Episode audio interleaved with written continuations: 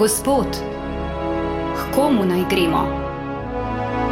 Besede večnega življenja imaš.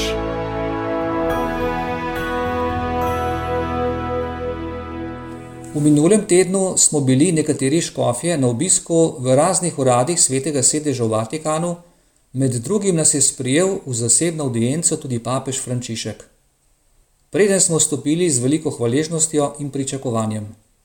Sprijel nas je kot oče, ki po dolgem času pričakuje sina, da ga začuti, kako je in mu podeli svoj blagoslov. Papež nam je položil na srce, da imamo pred seboj zgled Jezusa dobrega pastirja, ki ima sočutje za sočloveka, ga razume, podpira in opogumlja. Evangelij 12. nedelje med letom nas spodbuja, da si odgovorimo na vprašanje, kdo je Jezus za nas in kaj nam pomeni odnos z njim. Potem, ko je Jezus na odmaknjenem kraju molil, je učencem zastavil to vprašanje: Kdo sem po mnenju ljudi? Odgovorili so za nekatere Janez Krstnik, za druge Elija, za tretje eden od starodavnih prerokov, ki je vstal od mrtvih. Na to jih vpraša, kaj pa vi pravite, kdo sem jaz? Peter, ki je prevzel besedo, je odgovoril: Ti si božji maziljenec. Petrova izpoved je resnična izpoved vere tistega, ki je živel ob učitelju, ga spoznal in po navdihu svetega duha oznanja njegovo identiteto.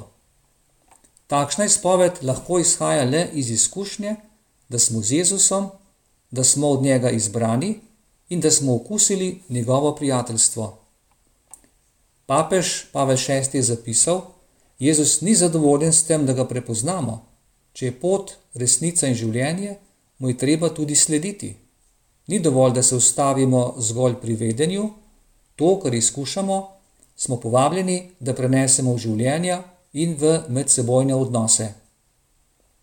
Ni na ključje, da Evangelij povezuje priznanje Jezusove identitete s povabilom, naj mu sledimo. Ni pomembno, kaj drugi menijo o Jezusu, važno je, kakšno izkušnjo imam sam z Jezusom in kako jo živim v odnosu do bratov in sester. Pravi učenec gleda Jezusa in se ob njem uči v izpolnjevanju svojih dožnosti, v sprejemanju življenjskih preizkušenj iz ljubezni do njega.